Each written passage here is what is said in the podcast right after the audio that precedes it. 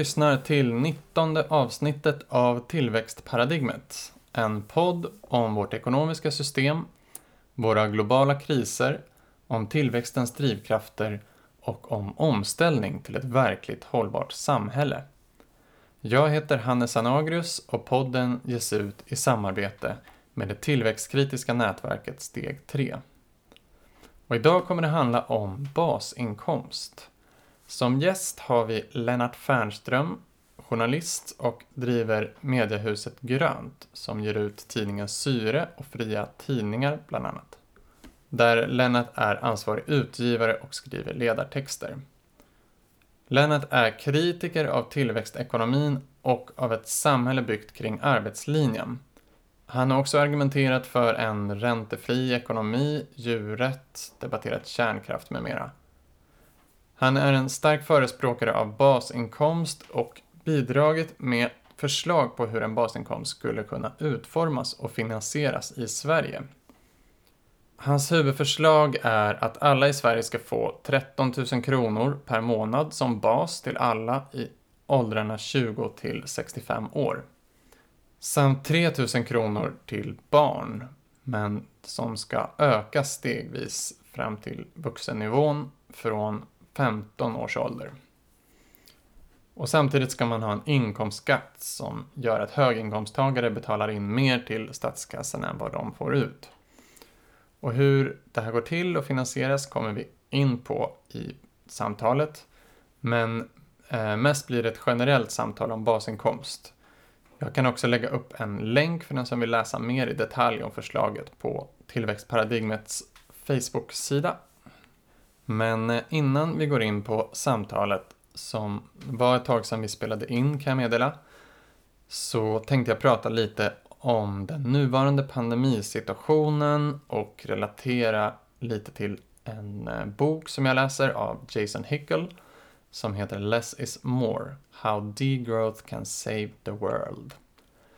För några dagar sedan gick regeringen i Sverige ut med hårdare restriktioner och rekommendationer mot eh, bakgrund av den ökade smittspridningen i Sverige och den nu också ökade dödligheten. Endast upp till åtta personer får samlas i allmänna sammankomster nu. Uppmaningen är att alla vuxna människor helt enkelt ska träffas och få människor som möjligt. Inte gå på fester, middagar, restauranger, barer, kaféer, gym, bibliotek och så vidare. Vi ska hålla oss hemma helt enkelt så mycket det bara går. Likt i våras är det slående hur underförstått det är vad som är det viktigaste och mest prioriterade i samhället. Skolor stängs till exempel inte, inte än i alla fall. Sjukhusbesök är såklart undantagna från restriktioner och halva anledningen till restriktionerna är ju för att avlasta sjukvården. Det finns till och med en lista på samhällsviktiga yrken av MSB som blivit aktuell under pandemin. Om skolor, fritids och barnomsorg skulle behöva stänga så kan dessa yrken ändå ha rätt till barnomsorg. Och på den listan har vi Youtubers, telefonförsäljare, managementkonsulter, reklamjingelproducenter, bartenders, poddare. Nej, jag skojar. Inget ont om dem som jobbar i dessa yrken såklart. Särskilt inte poddare. Men samhället fallerar ju inte utan de här yrkena. På den verkliga listan så hittar vi eh, sjukvård, omsorg, socialtjänst, skola, hela livsmedelssektorn och matproduktionen, energiförsörjning, läkemedelssektorn, kommunikation, tele, post, elektronisk kommunikation, transport, väghållning, avfall, säkerhets, rättsväsende, försvar och styret av riket. Men all övrig konsumtion då? Nu säger statsministern i sin senaste pressträff själv flera gånger att man ska avstå från icke nödvändiga inköp från affärer och icke nödvändiga resor. I vanliga icke-pandemitider när frågan om att kanske man skulle begränsa icke nödvändig konsumtion och flygresande så anklagas man ju ofta direkt för moraliserande pekpinnepolitik. Det går minsann inte att avgöra vad som är nödvändigt och inte, utan det måste ju varje person få avgöra själv. Nu säger ju statsministern själv att de enda inköp som är riktigt nödvändiga i dagsläget är köp av mat och mediciner och i princip bara arbetsresor är motiverade för de som inte kan jobba hemifrån. Möjligen för de som bor själva och behöver något, något slags socialt umgänge. Så det är rätt intressant att alla tusentals ton prylar, kläder, alla flygresor svenskarna i vanliga fall köper varje månad nu inte alls är nödvändigt längre. Det kommer också lägligt till Black Friday, eller kanske till kontratraditionen som försökt ta över det datumet, eh, en köpfri dag. I boken Less is more jämför Jason Hickel olika länder hur de lever upp till god hälsa och välbefinnande. Och BNP per capita har ett starkt samband med många sociala variabler, till exempel medellivslängd, men bara upp till en viss nivå. När de grundläggande behoven för många är tillgodosedda så bryts det här sambandet helt upp. En mängd länder med, med mycket lägre BNP per capita än till exempel USA eller andra länder som har väldigt hög BNP per capita så har man ändå högre medellivslängd, bättre utbildning enligt många internationella jämförelser och lyckligare befolkning enligt många studier. Som exempel Costa Rica med 80% lägre BNP per capita än USA, men ändå högre medellivslängd. Även i FNs World Happiness Report är Costa Rica i topp när man mäter självuppskattad lycka, flera platser över USA. Costa Rica räknas också som ett av få länder i världen som lyckas tillgodose bra levnadsstandard utan att överskrida de planetära ekologiska gränserna. I Happy Planet Index ligger till exempel Costa Rica på första plats av alla länder. De mäter välbefinnande, medellivslängd, jämlikhet dividerat med det ekologiska fotavtrycket. Det verkar alltså finnas lite som stödjer att BNP-tillväxt över en ganska låg nivå bidrar till ökat välbefinnande. Inte i sig själv i alla fall. I USA och Storbritannien har till och med BNP fyrdubblats respektive tredubblats sedan 1950. Men folk i allmänhet uppger i studier att de är mindre nöjda med livet, mindre lyckliga nu än de var på 1950-talet.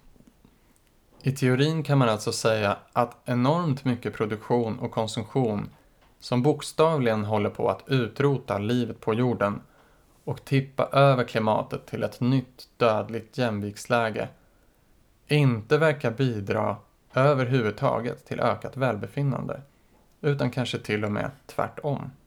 Ta Costa Rica som exempel.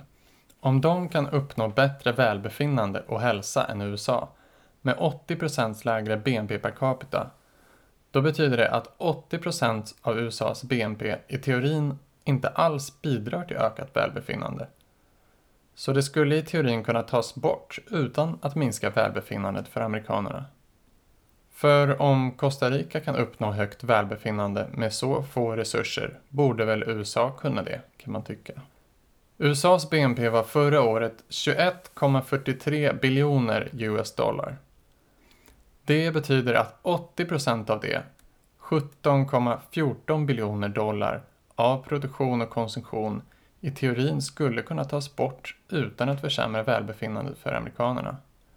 17 biljoner av massproduktion och masskonsumtion med miljontals ton naturresurser från utarmade ekosystem med miljontals ton växthusgaser, andra utsläpp och giftiga avfall. Helt utan något bidrag till välbefinnandet. Det är rätt hoppingivande hur mycket förstörelse vi skulle kunna kapa utan att försämra för människor. Om man gör det på rätt sätt förstås. Och vi kommer till det. Och som jag tagit upp tidigare i podden visar Hickel i boken att det inte heller för fattiga länder är själva tillväxten i sig som gör att medellivslängden ökar. Visst är det viktigt för många med ökad inkomst om man är på en väldigt låg inkomstnivå. Men det beror lika mycket på levnadskostnaderna. Det har visat sig att det främst är först när den ökade rikedomen i länder investeras i allmänna nyttigheter såsom förbättrad sanitet, allmän sjukvård, allmän vaccinering, allmän utbildning och så vidare. Det är då medellivslängden och hälsan förbättras. Så har det också varit historiskt. Under 1700 och 1800-talets början växte BNP, men majoriteten fick det faktiskt fattigare. Väldigt många fördrevs från sin odlingsmark, blev av med de allmänningar, alltså blev av med ängs och skogsmark som förvaltades gemensamt då och försörjde människor innan. Det här blev istället privat egendom hos några få markägare. Så från att ha varit självförsörjande blev många före detta bönder istället lönarbetare. Man fick jobba 15 timmar om dagen för svältlöner och så vidare. Oftast i industriområden med väldigt dålig luftkvalitet, dålig sanitet och där sjukdomar spreds lätt. Det som bidrog till den fantastiska uppgången i hälsa och ökad medellivslängd i västvärlden under slutet av 1800-talet och början av 1900-talet var enligt många studier allra främst investeringar i förbättrad sanitet, till exempel avloppssystem, samt allmän sjukvård och näst efter det allmän utbildning. Så betyder det här då att vi bara kan kapa rika länders ekonomier med hälften utan att människor får det sämre? Nej, för vår ekonomi är ju inte uppbyggd så. Vi märker ju nu hur arbetslösheten ökar enormt i världen bara för att folk är hemma och handlar lite mindre. Bara det ökade hemarbetet i Sverige nu kan enligt Svenskt Näringsliv leda till att 140 000 människor kan bli av med jobbet. Då slängs man ut i ovisshet och otrygghet om att klara försörjningen och utan sysselsättning. Så hur löser vi det här dilemmat? Vi har ju tidigare tagit upp exempel som att stabilisera den finansiella ekonomin med suveräna pengar utan skuld. Vi har pratat om arbetstidsförkortning för att dela på det nödvändiga arbetet och växla in den ökade produktiviteten till ökad fritid istället för ökad konsumtion. Idag ska vi prata om basinkomst som en lösning att skapa ekonomisk trygghet och frihet till alla, oavsett vad som händer med tillväxten och jobben. Så här kommer samtalet med Lennart Fernström. Hej Lennart! Hej! Vad roligt att du ville vara med. Mm. Eh, roligt att få vara med. Ja. Mm. Idag ska vi då i stort sett bara prata om basinkomst. Eller medborgarlön. Eh, vilket ord brukar du använda mest? Nu för tiden blir det mest basinkomst, för det är ah. ju det som har etablerat sig. Um, mm. Jag tillhör ju de som en av de få som känner mig ganska neutral mellan vilka man använder. Ah.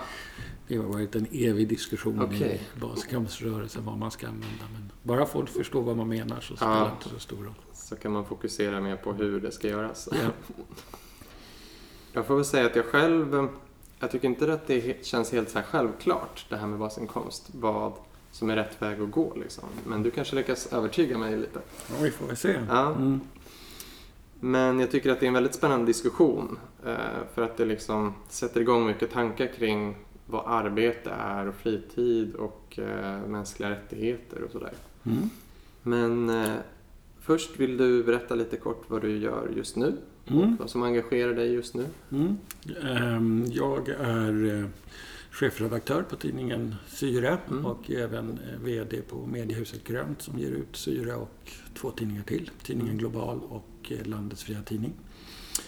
Eh, ja, så det är det som stor mm. del av min tid går till. Mm. Det jag gör rent skrivande är ledare och så, så det är ju opinionsbildning. Då blir det mm. över, över ett eh, brett fält av mm. frågor. Så, så det, är, det är absolut. Mm. Men det går allt från djuret till mm. basinkomst. Och, så.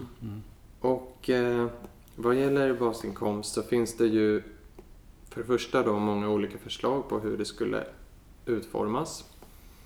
Och sen så finns det också flera småskaliga experiment i världen, till exempel i Finland närmast oss då. Ja. Ehm, även i Nederländerna var någonting. Ja, där har det funnits någonting. Jag det vet inte Finland, så mycket om det. Men, ja. Nej, det i Finland är ju avslutat. Ja, precis. Det var ett tidsbegränsat mm. projekt. Tvåårigt. Och sen så finns det en del sagt, något crowdfunding mm. Eh, finansierat i Kenya, har jag läst om. Och ja, i Indien har man gjort något liknande. Mm. Tanzania och, Ja, och bakåt i tiden i Kanada och USA. Så att det finns på ganska många Precis. ställen. Mm. Och det är lite mer småskaligt då. Men Mm. så finns det ju också något som man kanske kan säga liknar basinkomst eh, på det sättet att det gäller en hel, ett helt land eller en hel stat. Eh, till exempel i Alaska får Mm. alla pengar. Det är väl från oljeintäkterna där? Ja, det är ju mycket olja. Det är ju från naturresurser egentligen. Men Ja, det är ju mycket olja det handlar om. Mm. Så då delar man ut det en gång om året eller något Ja, sånt. Ja. precis. Och, och eh, en summa då som går upp och ner beroende på hur, hur de här har gått. Ah, och, okej. Men det är ju ingen summa man kan leva på. Nej. Det brukar röra sig om kanske mellan eh, 10 och 20 000 per, per år som delas ut. Just det. Det har ändå gjort att eh, Alaska är den stat i USA som har minst ekonomiska klyftor. Mm. Så att eh, det, det Mm. har ju ändå, fast det är en väldigt liten peng och Mm. inte skulle då på det sättet räknas som en riktig basinkomst. Mm. En riktig basinkomst ska du kunna leva på. Mm. Så, så har det ju fått en, en stor effekt på. Och du menar att det är just tack vare det här? Alltså det, det finns säkert de som kanske hävdar, att, eh, Mm. eller kan se andra saker också. Men jag är Mm. ganska övertygad om att det här är en bidragande Mm. orsak. Ja. Just det. Och så läste jag om Iran också, att man, man har slopat många av de bidrag man gav ut, eller subventioner kring bränslen till exempel, Mm. och istället eh, ger alla en liten inkomst. Mm. Där tror jag, jag är inte säker på det, men där tror jag det är till hushåll. Så att det är, Ah, okej. är, är också där. Det är också Mm. ett av kriterierna att det ska vara individuellt för att vara en riktig... Och det, är och det är väl en alldeles för liten peng där också tror jag. Men, men, ja. Mm. Precis. Eh, Så några kriterier som man brukar hålla fram för en universell basinkomst är då att den ska gälla alla, vara universell, eh, vara ovillkorad, ingen motprestation och att man ska kunna försörja sig på den. Mm. Håller du med om Precis. de kriterierna eller vill du lägga till något? Ja, eh, att den går till individer då skulle jag lägga till. Mm. Jag tror inte du sa det. va? Nej, just det. Eh, också att den eh, betalas ut eh, regelbundet. Det är inte en engångspeng. Det finns ju idéer på så här att ge pengar till alla i början av livet eller Mm. något sånt där. Eh, och att den betalas ut just i pengar. Det är inte ett kupongsystem. liksom. Nej, Mm. just det. Eller för den delen eh, varor eller något. Nej, Skulle det nej, kunna precis. vara mat. Mm.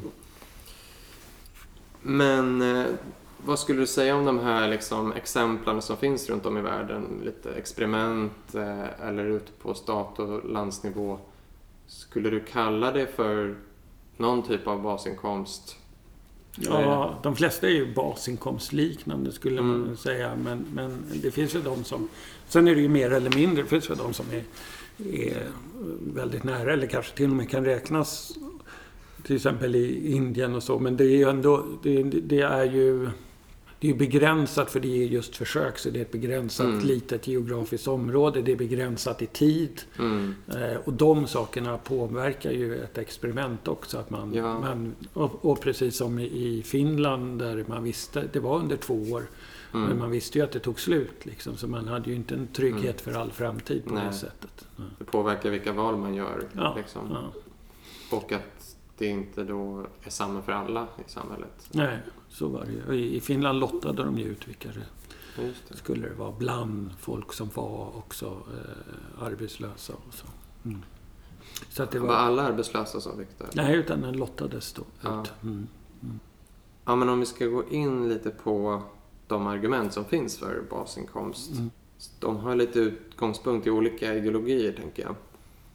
Eh, och, ja, det finns ju motargument också, men vi kan ta dem sen. Mm. Eh, först och främst eh, så framhålls det ju att det är en mänsklig rättighet att få sina grundläggande behov tillgodosedda Mm. och eh, utan då att det ska vara något motkrav och den liksom stigmatisering som många säger en, en slags förnedring också med att eh, ja, man blir ut, utmärkt som grupp och som att man lever på samhället liksom. Och där kan jag verkligen rekommendera eh, boken Fattigdomsfällan som jag läste ganska nyligen. En hemsk, väldigt, eh, väldigt hemsk och sann historia om en kvinna som blir av med sin sjukförsäkring. Hon är fortfarande sjuk så hon kan inte jobba och så Mm. liksom rasar hela livet med skulder och så. Mm.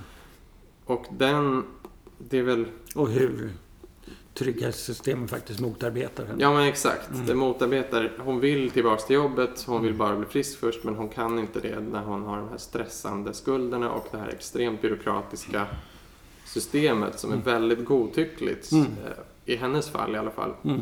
Med att få försörjningsstöd eller Mm. socialbidrag. Mm. Och det finns ju väldigt många fler som vittnar om det. Även, Ja. även om det inte har skrivits böcker om Nej. det. Nej. Och ehm, ja, till exempel så nekas hon pengar trots att hon i princip bara äger skulder och eh, bokstavligen inte har någon mat Mm. liksom, i sitt hus. Mm. Mm.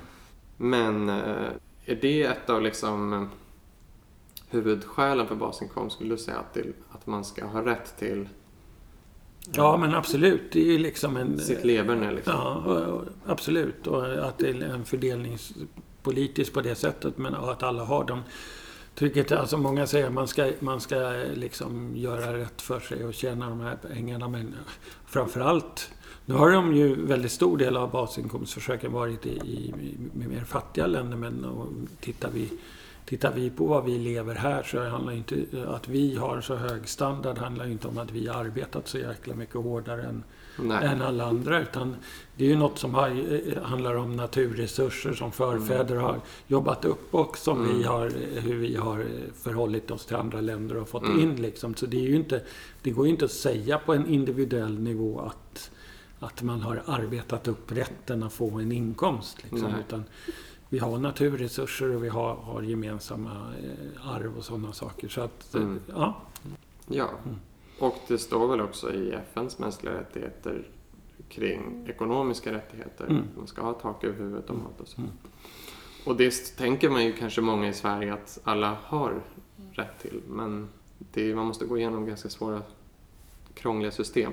Ja, så är det ju. Och, och som eh, liksom dels folk faktiskt trillar i, Mm. i, i, igenom. Ehm, Jag gick igenom någon gång de olika bidrag och trygghetssystem som, vi- som finns runt eh, Försäkringskassan och Arbetsförmedlingen och så. Kom upp i 130 stycken olika.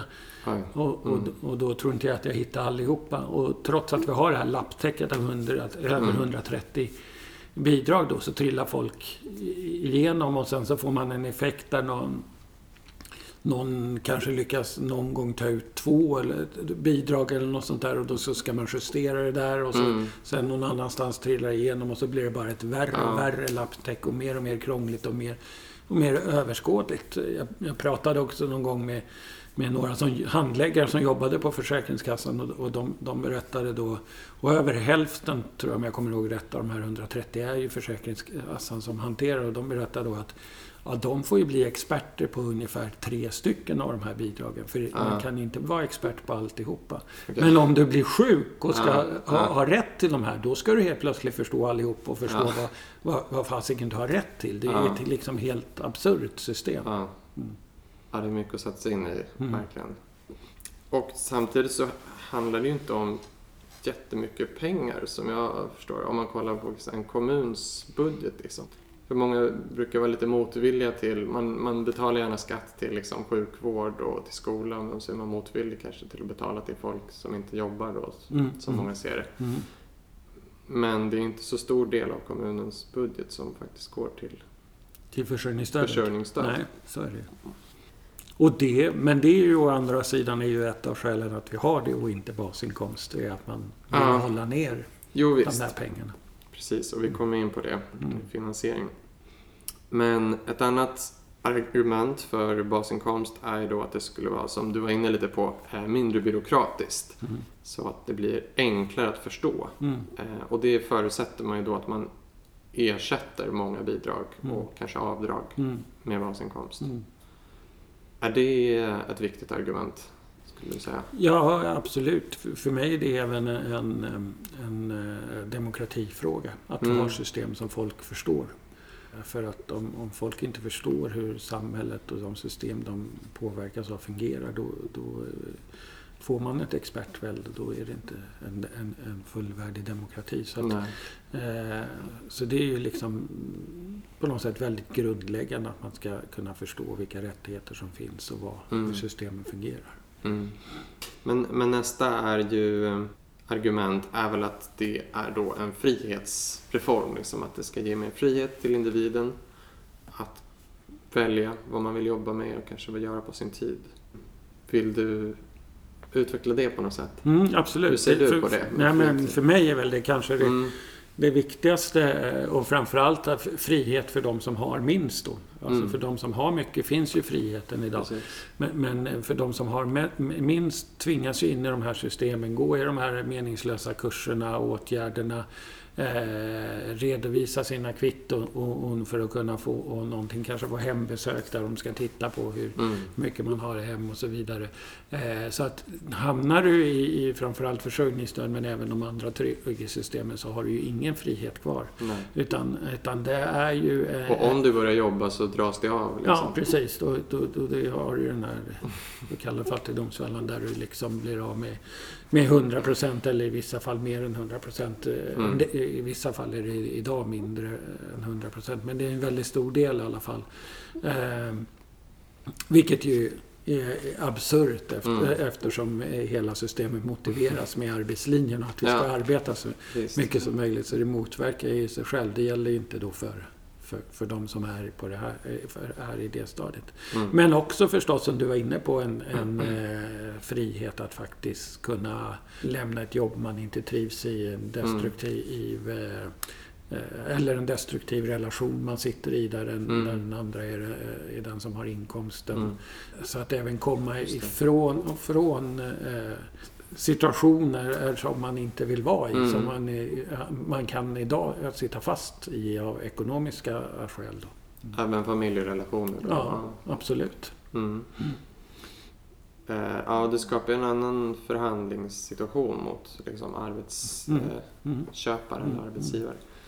Det finns ju en del som kallar det även en, en fuck off-peng eller dra åt helvete-peng. så att man ska kunna säga till arbetsgivaren eller Ja, den destruktiva mannen eller frun att ja, eh, nu, nu har jag fått nog. Ja. Mm. Eh, och kanske också välja att eh, ägna sin tid åt något som inte ger någon inkomst från marknaden eller Mm, från mm. arbetsmarknaden. Mm. Och eh, vissa hävdar också att det ska gynna småföretagande. Mm. Liksom, att man kan starta sitt eget med... Mm. Ja, men Man får inte så mycket kapital kanske men man får ju tid i alla fall och mm. trygghet att Mm, kunna mm. satsa på det. Alltså, det finns ju hur många människor som helst som går omkring med som de tycker är en jävligt bra idé de skulle vilja förverkliga, Mm. men som inte vågar. För att man riskerar ju sin egen ekonomi om man kastar sig ut så. Liksom. så att Mm. kreativitet överhuvudtaget, oavsett om det är sen ett företag man startar eller någon kulturverksamhet Mm. eller vad det är, eh, gynnar ju det att man får en, en ekonomisk trygghet, skapar ju möjligheten till att Mm. till att och, och göra nya kreativa saker. Mm. Mm. Och sen ett argument är ju då att eh, det faktiskt är nödvändigt med den utvecklingen som vi ser med automatisering. Mm. Och kanske till och med oundvikligt eh, menar många att eh, någonstans måste vi betala de som faktiskt inte kommer anställas. Mm. Tror du att, det, att vi börjar närma oss ett sånt? Ja, Samhälle. ja, absolut. Eh, Eller börja närma oss. Men alltså, jag skulle säga att det är en, en viktig eh, faktor. Vi har ju fördubblat sen om det är slutet av 70-talet, början av 80-talet, produktionseffektiviteten. än- Och samtidigt som vi inte har minskat arbetstiden i, i, i Sverige. Eh, och, och det innebär ju i praktiken att vi producerar dubbelt så mycket på, per, per person. Då. Sen har vi ju Mm. befolkningstillväxt och så också. Så att, Mm. och, då, och där kommer ju kopplingen till tillväxtfrågan och Mm. utsugningen och så. Sen så kan man ju i och för sig liksom vända på det där och säga att eh, när vi går ifrån ett mer oljeberoende samhälle så kommer vi få göra, behöva göra mycket mer utan maskiner och med handkraft. Så att det kommer Mm. behövas mer folk på det sättet. Så att, så att det finns ju liksom olika saker som jobbar åt olika håll. Ja. Men jag tror ändå att den här eh, effektiviseringen och så är, är den som eh, är den dominerande och som är den starkaste kraften av de här olika sakerna. Och, Mm. Men där ligger ju väldigt mycket också då i, i ehm, ja, intäktssidan, hur det här ska fungera och skattesystemet och att mm. vi måste börja, börja ta ut skatter från produktionen och inte från mänskligt arbete. Eh, så att, så att det inte blir blir det företaget som gör saker med bara maskiner ska inte mm. slippa undan skatten jämfört med det som, den som har massa människor som gör det. Nej. Nej. Precis, vi har pratat om det förut att mycket av den effektivisering man har gjort är ju att man tar bort arbete, liksom. Mm. arbete mm. arbetare. Mm. Uh, vi hade också ett tidigare avsnitt uh, kring forskningsprojektet Bortom BNP-tillväxt. Mm. Och då var det lite som du pratade om nu att det finns liksom något scenario som är uh, mer att vi går lite tillbaka till lokalsamhället och att vi kanske jobbar mer och skapar våra egna, vi odlar vår egen mat och mm. mer mm. självförsörjande. Mm. Medan en annan del var eh, väldigt mycket automatisering och robotisering. Liksom. Mm, mm. Så det är väl kanske att båda kommer hända. Men ja, samtidigt. Och då är frågan vilka, vilka som blir liksom mest dominerande och mest ja. påverkande på. Ja. Och det sista argumentet som jag har skrivit ner då är att eh, ja, men det kan vara ett sätt att minska arbetstiden och eh, ja, därmed dela på jobben. Mm. Eftersom vi har pratat mycket om vår överkonsumtion. Liksom. Mm, mm. Det ger ju framförallt, det ger ju också det känns... Det är inte svårt att förstå historiskt och, och arbetarrörelsens kamp när det gäller normal arbetstid och få ner den och, och, och, så liksom. Men, men det faktum är ju med en basinkomst så kommer man ju kunna ha en mycket större frihet. Mm. En del gillar att jobba mycket och en del gillar att jobba mindre liksom. Mm. Och, och, en mycket större variation i vad mm det här begreppet heltidsjobb. Liksom, mm. vad, vad, är det liksom? Och som vi då... Kan vara olika för olika personer. Ja, kanske. som vi sedan 70-talet har definierat som 40 timmars vecka av mm. någon anledning. Eh, mm. Ja, eh, men som framstår som någon slags naturlag idag i dagens samhälle. Mm. Knappt går att diskutera. Så att det är ju jämfört med en en arbetstidsförkortning, att man genomför 6 timmars arbetsdag eller 30 timmars vecka eller något sånt där, så ger ju det här en mycket större flexibilitet och att, eh, mm. möjlighet till att äh, det formas efter att folk är olika. Mm.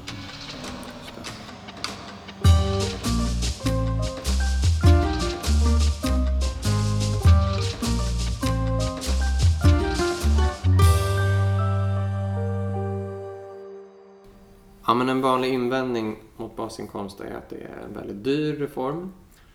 Eh, och du har räknat lite på här hur det, man skulle kunna finansiera basinkomst. Yes. Vill du berätta lite om eh, din idé kring det? Ja, alltså det är ju inte en idé utan jag har ju tittat Nej. på, på eh, Alternativ? Ja, alternativ och, och, och, och tittat i statsbudgeten och där jag har liksom plockat många saker. Och och, och, mycket i mint är ju utifrån att jag har en, en grön, frihetlig grön grundsyn. Mm. Eh, så att det är ju mycket eh, skatter på, på resurser, naturresurser och, och även omsättningsskatter på banker och sådana saker. Kombinerat med är förstås eh, besparingar på andra trygghetssystem. Att vi har samma moms på allting, 25% moms och, mm. och att vi sparar på saker som jag tycker är, destruktiva som försvaret och sådana saker. Så det är ju en, mm. det är en mix. Men grunden kan man ju säga är ju att, att ska det funka i längden så måste vi ju eh, gå på flytta över beskattningen eh, till produktionen och råvaror och, och, mm. och konsumtion eh, mm. från, från arbete. För att för, för, för att automatiseringen kommer och, mm. och, om det bara ligger på... Alltså det vi får effekt som egentligen är liksom utanför basinkomstfrågan men det vi får effekt är ju att effektiviseringen med maskiner och så mm. är ju i den producerande sektorn mm. Eh, eh, Eh, du får inte samma, även om du kan ha effektiv, har effektivisering där också, men inte samma effektivisering i, i eh, den offentliga sektorn. Utan där Just behövs det. händer och, och, då när det blir färre händer där produktionen och så är så är det färre händer och färre skatter som ska in och, och finansiera. Mm. Och det, det, det, håller ju inte i längden. Så, så, så, så, är det ju, utan det är ju liksom... Skulle man göra den skatteväxlingen för att på något sätt motverka den utvecklingen? Eh, eller gör man det för att eh, man ser det som oundvikligt? Eh, att det kommer ske en liksom, effektivisering på produktionssidan och därmed att man vill också kunna hämta in skatter från det? Eller är det för att man vill liksom boosta den delen av ekonomin som är arbetskrävande? Liksom? Uh, nej men, ja, nej men absolut. För mig är det oundvikligt, det tror jag. Absolut. Mm. Alltså den utvecklingen har vi ju. Uh, mm. det, det, går inte att, komma ifrån och jag tror att, uh, att den kommer fortsätta. Alltså, människan mm. har ju människan har, har velat och jobbat på sen vi, sen vi tog upp den första grenen och började använda mm. som något slags redskap. Jobbat på att effektivisera oss och, mm. och, och kunna göra mera med samma insats. Mm. Eh, sen utvecklade vi liksom mer fungerande redskap än bara en pinne och så mm. har, det liksom, har det ju fortsatt så. Mm. Så, det, så det tror jag är, det, det så är det liksom. Mm. och, och och sen så kan det eh, bromsas av att vi ska ifrån fossilsamhället och så. Men jag tror mm. aldrig att det kommer avstanna. Det, det har jag Nej. väldigt svårt att se. Så att, ja, ska, vi, ska vi ha eh, trygghetssystem och, och, och, offentlig sektor och så, så måste vi lägga om skattesystemet. Mm. Det är jag alldeles övertygad om. Sen så, jag är ju inte heller värnande av att, eh, att vi ska eh, jobba så mycket som möjligt. Så, så, att, så att det är ju inte så att, att eh, jag därför tycker att det ska sänkas skatter på arbete. Utan, utan det, är ju, det är ju en effekt av det. Liksom. Det finns ju ingen anledning att vi... Jobb är ju jobbigt, hör man ju på ordet. Liksom. Så att varför, varför göra det mer än vi behöver? Liksom. Mm. Men, eh, och det gör vi ju nu, eh, liksom, för att eh, hålla igång hjulen, mm. tillväxten, mm. konsumtionen. Så gör vi ju mycket, mycket, mycket mer än vi behöver. Mm. Men det finns ju något dumt det här med den liksom klyftan vi har nu med de som inte jobbar alls och de som jobbar jättemycket. Men ett som argument för, för att någon slags grön skatteväxling då, eller i alla fall sänka skatten på arbete är ju att det ska bli billigare att anställa människor. Mm. En, en liksom invändning mot det här med grön skatteväxling är ju då att, eh, att det inte ger någon långsiktig skattebas. Om det är till exempel eh, om man vill beskatta utsläpp eller plast eller någonting som förstör miljön så vill man ju, målet är att man ska minska miljöförstöringen mm. och då minskar också skatteintäkterna. Mm. Ja men, ja, men så är det ju. Mm. Eh, men, men jag menar, du kan ju fortfarande ha, ha Alltså, vi kommer ju alltid ha någon slags resursanvändning. Även om, om vi behöver komma till att det är bara förnybara resurser. Mm. Så kommer vi att ha det och de behöver vi se till att de är mm. på en nivå så att de blir eh, förnybara. Så att Visst, eh, har vi nått upp hela vägen till idealsamhället när det gäller där, då kanske det är ett problem. Då får man titta på mm. hitta nya. Men det känns som dels att det är väldigt eh, långt bort och dels som att vi faktiskt kanske ändå behöver de där skatterna för att behålla, hålla kvar de resursanvändningarna som, som finns. Men, men, men vi vill ju ändå snabbt minska eh, användandet av fossil energi till exempel och mm. eh, materialanvändning. Liksom, mm. Om vi ska snabbt ta oss till ett hållbart samhälle. Mm. Får vi inte då mindre skatt i välfärden och allt vi behöver? Ja, om vi inte i samma takt höjer skatterna på de sakerna. Ja, så skulle man kunna göra. Ja. men, men alltså det är ju inte hela min finansiering utan det, där ligger ju liksom ja andra, och med andra bidrag kan jag säga så, så är det ju liksom inte bara det som folk tänker på automatiskt skulle kunna försvinna om basinkomsten var hög. Utan det är ju RUT och ROT och, och, mm. och den typen av, av, bidrag. Jag vill, jag vill se liksom ett det jag är inne på och som, som är det som brukar kallas negativ inkomstskatt, där vi slår ihop trygghetssystem och skattesystem och mm. gör det så enkelt som det bara går. Eh, tjänar du eh, under en viss punkt då får du skatt tillbaka, det vill säga en basinkomst. Och tjänar du över så får du betala skatt och sen så har du har fallande skala på det där över och under. Så att... Så att eh, Just det. Mm, så, så att... eh, Ja, nu vet Ja, jag, jag var jag- knappt var jag började. Men, Nej men det är, jag har sett något som det har, att du har lagt upp något väldigt bra diagram där man ser det väldigt tydligt. Mm, mm, Att det liksom för varje steg man tar och vill jobba lite mer så Mm. tjänar man ju ändå på eh, Ja. det. mm, Eh, I och med att det är en... Då minskar det successivt. Man får fortfarande basinkomst men man har inte lika mycket basinkomst. mm, mm. Eh, och efter en viss gräns så tas det ut eh, en plattskatt. Eller? Ja, jag har ju gjort hela alltet platt och det tycker ju folk låter väldigt eh, höger och liberalt. Men det faktum är ju att det är en- en platt eh, skatt och utveckling även på, på, på trygghetssystemen är ju väldigt mycket mer progressivt än vad vi har idag. Då, då, Mm. då marginaleffekten på de som tjänar minst, det som vi var inne på, kan vara 100 procent. Eh, tar, tar ett jobb och börjar eh, få en inkomst så blir av med lika mycket liksom. Medan Mm. det på de, de, de eh, som har högre inkomster kan vara under 30 procent. Så att det, Mm. så att, eh, men det går ju förstås att göra en kurva där man, där man låter det öka på och de högre också. Men i det exemplet Mm. jag visade på Mm. så körde jag en, en platt skatt på eh, om det var 55 eller 60 procent. Mm. Eh, Och det var några år sedan jag gjorde det här. Mm. Eh, Och det blir väldigt tydligt att de, om man sedan tittar i olika inkomstlägen så är det ju de som tjänar lite som tjänar på det och de som tjänar mycket som, som förlorar på det. Mm. Eh, trots att det framstår som väldigt då, eh, liberalt eller reaktionärt att ha en platt skatt. Liksom. Mm. Mm. Ja, de som tjänar riktigt mycket förlorar. Ja, alltså när du kommer upp i lite högre inkomster så, så, så blev det eh, plus minus noll på mer eller mindre på inkomstskatten. Men då Mm. har jag ju eh, liksom som en viktig del av finansieringen mycket på konsumtion och eh, Mm. skatt. Alltså momsen 25% på, alla, på allting och så vidare. Och miljöskatter, koldioxidskatter, omsättningsskatter. Eh, de blir av med, de, det är ju de som använder RUT och, och, och ROT och så. De blir Mm. av med de sakerna. Ja, så, så lägger du på allt det så går ju de minus. Ja, Mm. precis. Det är många avdrag som utnyttjas av höginkomsttagare nu. Mm, mm, Framförallt. Mm. Men... ehm, jo, nej men det här kring moms tänker jag. Att eh, en invändning är ju att om man ska finansiera saker genom att eh, beskattar konsumtion mer så slår ju det lika mot alla liksom. Och proportionellt sett så blir det ju låginkomsttagare som det liksom drabbas mest av den skatten. Man ska säga.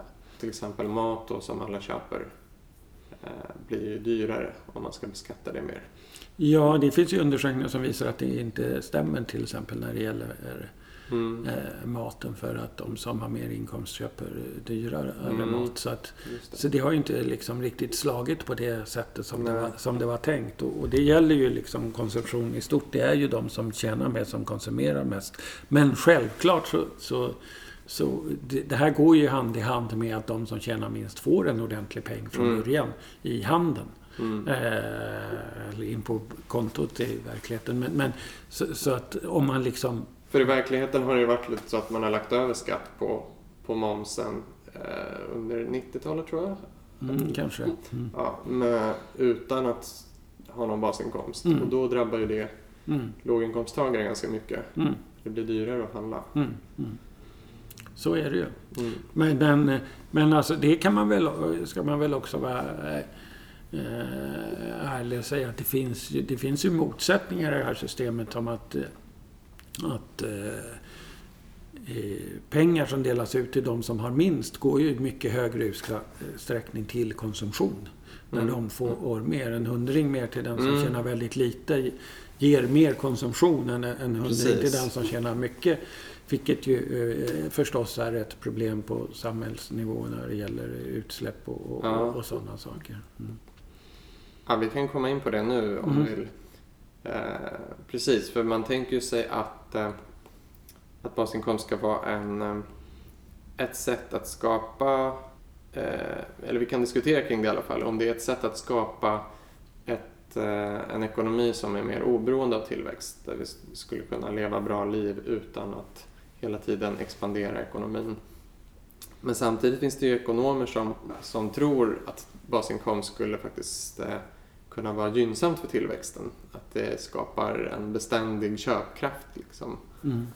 eh, som sätter igång konsumtionen eh, och kanske motverkar lågkonjunkturer och så. Mm. Finns det en risk att basinkomst eh, gör att vi fortsätter konsumera upp naturens resurser?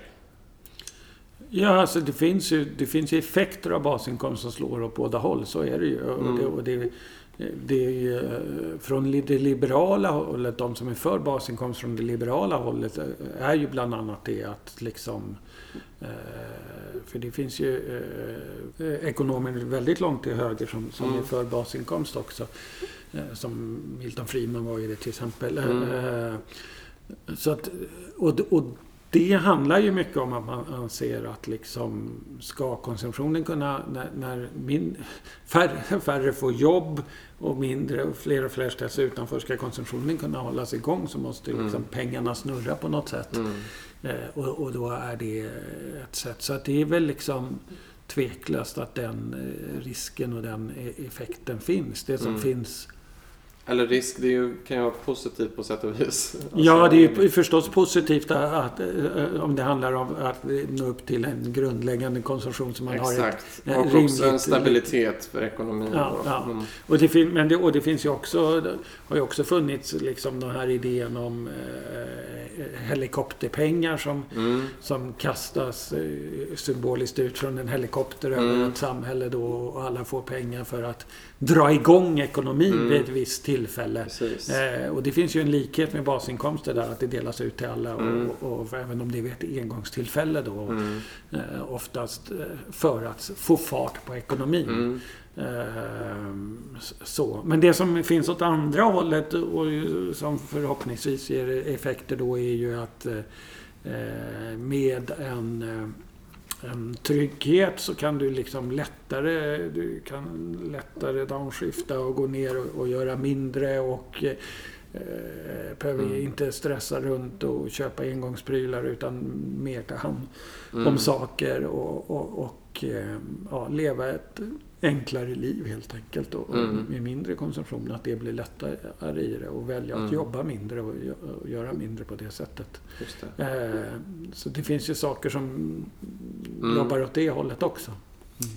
En variant eh, som kanske kan kombineras med basinkomst är att fler saker blir eh, kostnadsfritt också i samhället som man kanske tycker att alla kan ta del av. Mm. Kollektivtrafik eller ta del av kultur på olika sätt eller vad det nu kan vara. Som, man, som kanske inte har någon dålig effekt på miljön men som man tycker att det här är en standard som vi vill att alla ska ha. Liksom. Mm. Och då, då skulle man ju i så fall undvika att pengarna, alla pengarna spenderas på bensin eller flygresor. Mm. Mm. Men det gör man ju förstås också med att Med beskatta, de beskatta skatterna. de Ja. sakerna. Jag Mm. ser ju mycket eftersom jag, jag ser ju mycket hellre liksom att det som är skadligt Mm, antingen förbjuds eller, eller beskattas hårt. Mm. Men att man eh, att eh, pengarna går direkt att, till individen. För just för friheten att välja liksom. Om, mm, och, eh, att det inte är, en, är, är någon annan som ska välja vad det här grundläggande behovet är. Om det är att Nej. åka kollektivtrafik eller jag hellre cyklar. mm, Eller jag går på något museum eller jag hellre går på fotboll. Liksom. Eh, För att eh, all, alla den typen av saker blir ju, blir ju styrande. precis. Och det är ju väl mycket för att eh, staten och eh, vi som väljer vilka som ska styra staten vill premiera olika saker. Ja. Så motargument är ju då att eh, om vi vill styra samhället åt vissa håll, uppmuntra vissa beteenden så är det ju ganska bra med eh, dels kanske riktade bidrag men också alltså det här bidragssystemen du pratade om med de, hur många var det, 60 olika bidrag 130. Ja. Ja, 130. Ja, okej. Eh, Det kan ju tycka väldigt, tyckas väldigt byråkratiskt men eh, många grundar sig på att det ska vara behovsprövat så det ska gå till de som faktiskt behöver de här bidragen. Och jag ska säga att en basinkomst skulle inte kunna ta bort alla de Nej. eh, bidragen. Men en väldigt stor del. Men Ja. det finns förstås eh, behovsprövade med folk som verkligen har eh, speciella behov. Som har någon slags handikapp eller någonting annat. Eh, som, som, som behöver extra res- resurser för det. Det kommer vi ju liksom aldrig eh, helt ifrån. Men, men, eh, men för folk som inte har väl, Mm. särskilda behov, extra behov så kan, kan Och de bidragen så.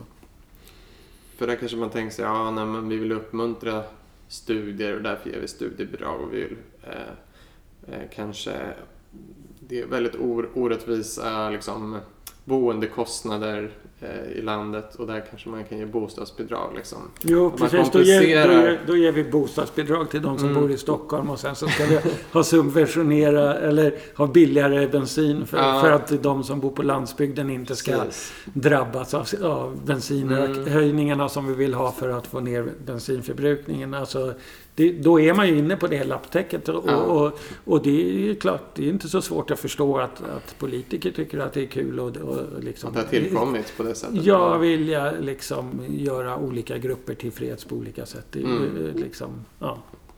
Nej, precis. Det blir ju lätta slagord liksom när Mm. man ska vinna valet. Vi vill Mm. satsa på det här och det här. Mm, mm. Men är inte det också liksom demokrati på något sätt? Att Ja men alltså, alltså jag... Det, om det...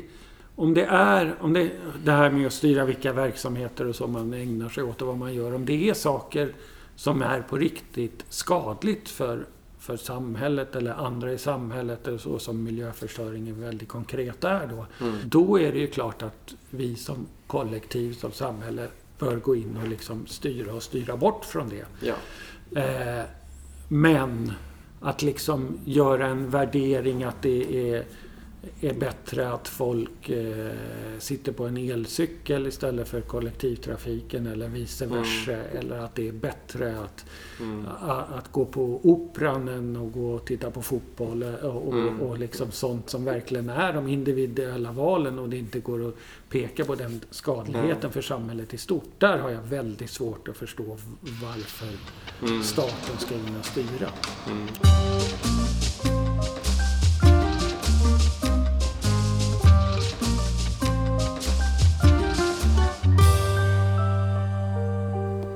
En annan invändning många på individnivå har är väl att liksom, varför ska jag betala för någon som inte jobbar? Mm. Ligger inte något i det att, eh, att det kan kännas orättvist om man själv arbetar och bidrar till samhället och så någon annan som faktiskt inte behöver göra det för att få de här pengarna? Nej, eh, dels så är det ju då en, en definition vad, vad arbete är och bidra till samhället. Mm. Eh, Men sen är det lite det vi var inne på innan. Liksom. Den, den materiella resurser och den nivån vi lever på idag, det handlar inte om vårt individuella arbete. Det handlar om att jag råkade födas i Sverige Mm. på, eh, på eh, 1900-talet Mm. och lever på, i 2000-talet i Mm. Sverige. Eh, och där det har byggts upp en ofantlig materiell rikedom utifrån naturresurser vi haft, naturresurser vi plundrat från andra håll, Mm. utifrån vad våra förfäder har gjort och så vidare. Mm. Det är ju inte så att jag har jobbat upp till den här materiella standarden. Eh, Det är inte, det är inte eh, så och det funkar. Och resurser skapas i naturen när träd växer och, Mm. och, och, och sådana saker också. Liksom. Och, att vi inte på något sätt ska kunna eh, ha en fördelning av de resurserna eh, på ett rättvist sätt. Det är väldigt svårt att se. För mig är ju också liksom eh, basinkomst på det sättet den, en ultimat reform, reform som liksom kombinerar eh, vänsterns rättvisetänk och fördelning med den liberala personliga friheten. Eh, och, och, att, och att den personliga friheten genom den här fördelningen kommer gälla alla och inte bara de som råkar ha mycket pengar. Mm. Ja, men man kanske också kan sälja in det på det sättet att eh, du betalar egentligen för ett fungerande samhälle där alla har, är eh, med i samhället på något Mm. sätt. Så är det ju absolut. Alltså, det finns ju också massa studier att, att, Mm. att, eh, hur ett samhälle som faller isär och där många blir väldigt fattiga, det drabbar ju inte bara de som är de mest utsatta. Nej. Nej. Precis, och då får man alla problem som är förknippade med en grupp som är utanför. Mm, liksom. Mm, mm. Med kriminalitet och mm. psykisk ohälsa. Och... Ja, stress och, och det hänger ihop med psykisk mm. ohälsan och otrygghet. Ja. Att, för det finns det en hyfsat stor grupp där nere så kan du ju själv helt plötsligt hamna där om du råkar ut för någonting. Ja. Mm. Och sen vet jag inte om det har gjorts undersökningar på det men de frågar man de flesta så tänker jag att i någon mån vill väl all, de allra flesta jobba på något sätt. Man vill ju göra någonting mm. för samhället. Mm. Liksom. Mm. Det finns... Sen kan det ju vara ideellt arbete också. Liksom. Mm.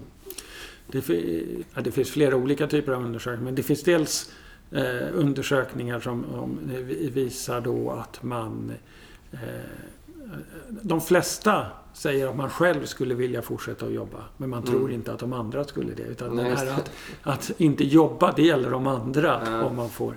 Men det, det, finns också en eh, undersökning som gjorts vid, vid Göteborgs universitet. Eh, nu kommer inte jag ihåg vad hon hette som gjorde det, men, men, men eh, som tittade på folk som hade vunnit på, eh, på, på lotteri eller spel eller något så ja. stora inkomster att de inte behövde jobba. Var det ett liksom hypotetiskt exempel? Du, Nej, det här var personer som hade ja. på riktigt vunnit så att Just de det. blev ekonomiskt oberoende och skulle inte behöva jobba mer Nej. i livet. För, och, och, då eh, eh, tittade hon på vid det här tillfället och några år senare. Och den förkrossande majoritet, nästan alla hade ju fortsatt jobba. Några hade gått ner i tid. Några eh, hade börjat studera men det, det, var ganska få som hade ändrat överhuvudtaget. Och sen eh, mm. bland de som, som eh, hade slutat jobba var de som ändå kom upp i, pensionsålder så att säga i mm. Så att det var ju inte så att folk la sig på, på sofflocket. Folk vill ju bidra och vara mm. kreativa. Mm. Det finns ingen som Ingen ska man ju inte säga och det är ju inget fel att ligga på sofflocket men de flesta tycker att det är tråkigt efter ett tag. Ja. Mm. Men var det några som eh, valde att byta jobb då? Eh, det visade inte riktigt studien men det var fler som hade blivit egna företagare. Okej. Okay. Mm. Ja, men jag tänker mycket på allt arbete som görs i samhället som inte betalas. Mm. Liksom. Mm. Allt ideellt engagemang som finns som inte betalas på någon marknad liksom, men som är väldigt viktigt för samhället. Mm. Som den här och podden. Som ja, den här podden. Precis, och det ja. kan jag väl tacka a-kassan för. att jag kunde sätta igång med den här podden. Eh, men så är det nu. Det var, det, jag vet inte, jag har ingen färsk siffra men jag vet att det för, för länge sedan, om det var tio år sedan och sådär, då var det ju eh, över, över eh, halva svenska befolkningen la åtminstone en timme i veckan på ideellt jobb. Mm i någon form. Eh, och det görs ju i det samhället där de flesta stress, ändå stressar och, och, och har, de väldigt stor mm. del har fulltidsjobb och sånt. Mm. Eh, så, så var det ändå en majoritet som gjorde något, någon ideell insats eh, varje vecka. Liksom. Mm. mm. Och hela den här liksom, feministiska diskussionen med att man gör så mycket eh, arbete i hemmet också. Mm. Mm. Det är ju ett sätt att betala det också. Om, Sen vill man väl bort från att det ska vara ett ojämställt eh, förhållande mm. i, i mm. hemmet. Liksom. Men, men om det nu är det så får man i alla fall mm. ersättning Absolut. för det. Mm. Men, men, men, så är det ju verkligen. Men jag menar, titta bara på hela ungdomsidrottsrörelsen. Mm. Som, som ju bärs upp av ideellt arbetande verkligen eh, tränare och allt annat, kassörer och allt vad det behövs mm. i de här föreningarna som är en enorm verksamhet. Mm. Mm. Och som ingen kan säga något annat än att den är, liksom har otrolig samhällsnyttig betydelse. Också. Verkligen.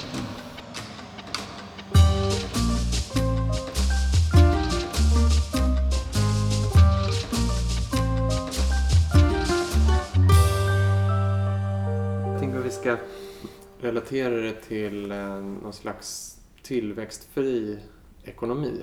Mm. Går basinkomst, är det kan det vara en metod att, um, att göra ekonomin mer oberoende av tillväxt? Alltså, eh, Jag är helt övertygad om att basinkomst i sig inte är beroende av tillväxt. Men, men sen så kommer det ju liksom in på den diskussionen vi hade innan. Liksom, är det, eh, skulle basinkomst i sig, och där handlar det väldigt mycket om utformning, finansiering och så. Skulle det vara något som stimulerar ekonomin som vi var inne på, som, som helikopterpengar och så, mm. för, att, för de som har minst ger er utrymme att konsumera? Eller, eller skulle det bli en starkare kraft att folk tog det lugnare och, och mer skötte om det de hade och, mm. och, och, och, blev mindre del av slit och slängsamhället? Mm. Det är ju olika, det är ju liksom olika effekter som kommer dra åt olika håll. Liksom. Och, och, där väldigt mycket spelar roll hur, hur, vilken typ av basinkomst, förstås vilken mm. nivå den ligger. Storleken den, på den. Ja, storleken på den. Hur den finansieras, eh, vad, eh, vilka bidrag den eh, ersätter mm. och, och, och, så. För det är ju, det går ju verkligen att ha väldigt, väldigt olika samhällssystem också mm. med en basinkomst. Det är ju inte så att verkligen. basinkomst är ett färdigt paket. Nej. Nej.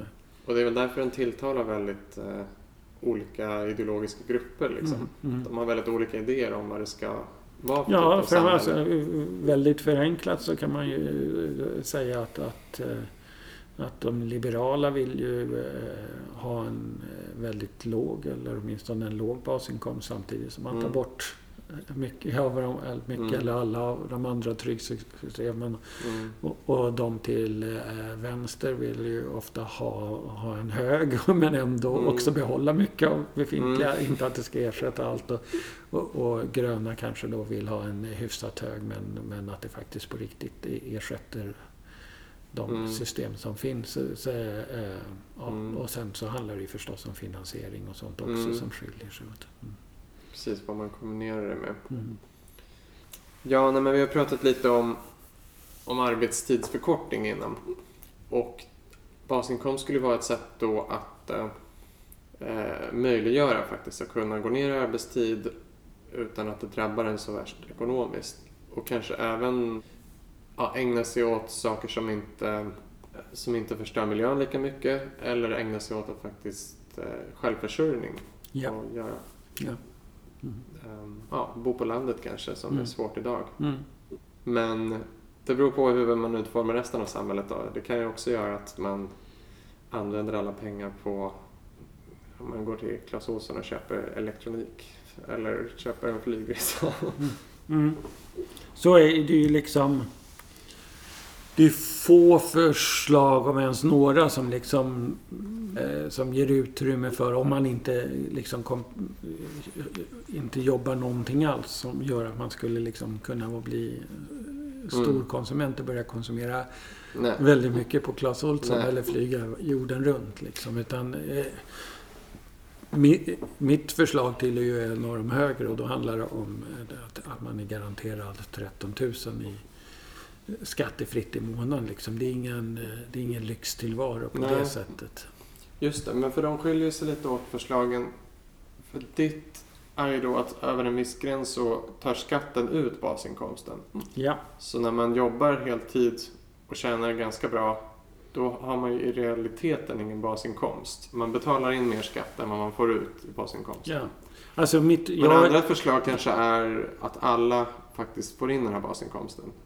Men samtidigt mm. betalar ju för sig man skatt i nästan alla ja, också. Ja, precis. Jag har egentligen inte tagit ställning till, det är inte för mig avgörande om vi liksom boom, betalar ut 13 000 till alla och sen... Mm. Skulle vi betala ut 13 000 till alla så innebär det att vi måste ta ut jävligt mycket mer skatt från de som tjänar mycket. Mm. Så att vi tar tillbaks det på det sättet. Mm. Eller om man ska kvitta innan. För mig är det mest en teknisk fråga om man mm. kvittar innan på Skatteverket eller inte. Men, men i mitt förslag så, så, så, så hamnade vi i 23 600 67 kronor då, knappt 24 000, så, så är du plus minus noll. Liksom. Just. Då varken betalar du eller får ut något. Hur mycket sa du? Knappt 23 700 ah. avrundat. Mm. Över det så betalar du skatt och under det så får du ut basinkomst. Mm. Mm. Och eh, tjänar du ingenting överhuvudtaget så eller snarare tjänar du under 2000 så har du en basinkomst på 13 000. Mm. Under 2000 i månaden. Mm. Mm. Ja, men som sista fråga då. Hur tror du att man kan göra idén om basinkomst eh, mer populär i breda kretsar? Nej, men jag tror att de här äh, experimenten och eh, eller man kommer närmare att införa det eh, runt om i världen gör att frågan kommer växa ihop med eh, automatiseringen. Och, sen så tror jag att eh, Sverige med eh, den socialdemokrati vi har och den eh, inställningen till arbete och arbetslinjen Mm. tyvärr kommer vara ett av de sista fästena som Mm.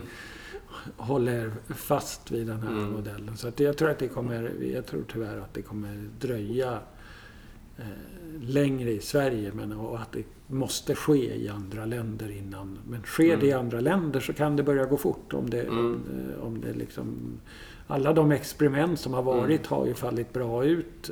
De rädslor som har funnits runt basinkomst har inte Mm. eh, t- trätt i kraft utan man har sett positiva tal på hälsa och, Mm. och, och så vidare. Man har inte sett att folk börjar lägga sig på soffan. Mm. Eh, Särskilt i fattiga länder va? Ja, Att man har ja kanske fått lite eh, ett litet kapital och starta något eget. Mm, mm. Eller att man Väldigt har mycket mer kunnat slå sig företagande. fri från Mm. eh, liksom, destruktiva familjerelationer. Mm, och, mm. Där är det, det är ju lite samma som effekt, som de har fått, eh, fast det här blir ännu mer då renodlat där de har gett mikrolån och sådana saker Mm. i, i fattiga länder. Så, att, eh, så det har ju verkligen gett de effekterna. Och, och det här behöver väl komma på stor skala att ett land, ett helt land vågar pr- prova det och så för att, tror jag, för att, det- att eh, Sverige Mm. ska få få upp ögonen. Så att det blir, blir ju intressant. Eh, Det finns ju tecken på att, att, eh, i, att den nya regeringen vill gå vidare med nya försök på, på, i Finland. Förlåt. Mm, Eh, mm, att de nej. man vill gå vidare i... Inte här, va? Nej, inte här. Eh, Vi går med- vidare med nya försök. Mm. Eh, Där var det ju faktiskt...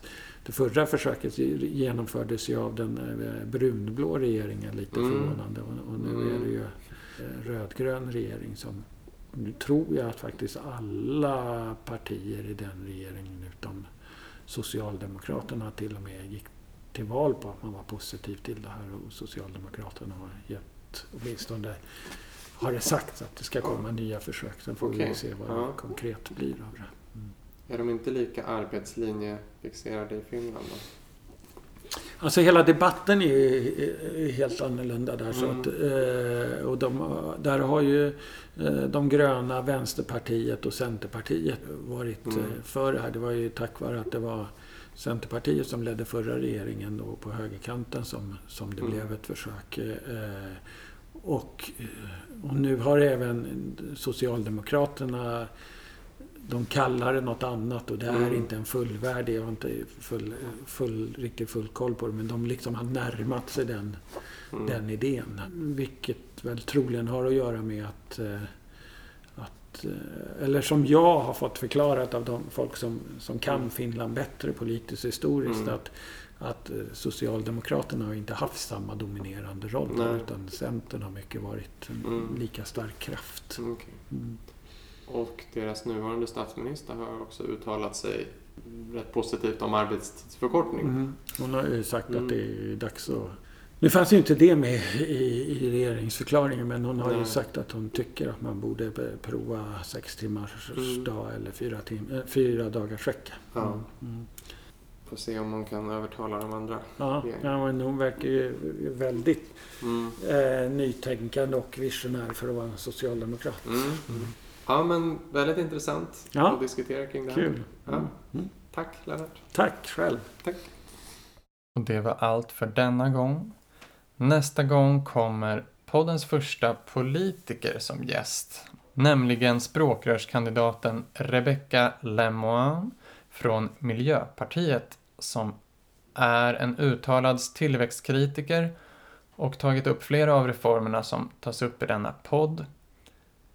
Främst kommer vi prata om hur ekonomin skulle kunna underlätta hållbart naturbruk eller markanvändning och biologisk mångfald. Jag kommer sen ta in eh, partipolitiska personer från lite andra ideologiska läger också, så att vi får olika perspektiv. Missa inte det. Påminner också om att tillväxtparadigmet finns på Patreon, där du kan bidra med en liten summa.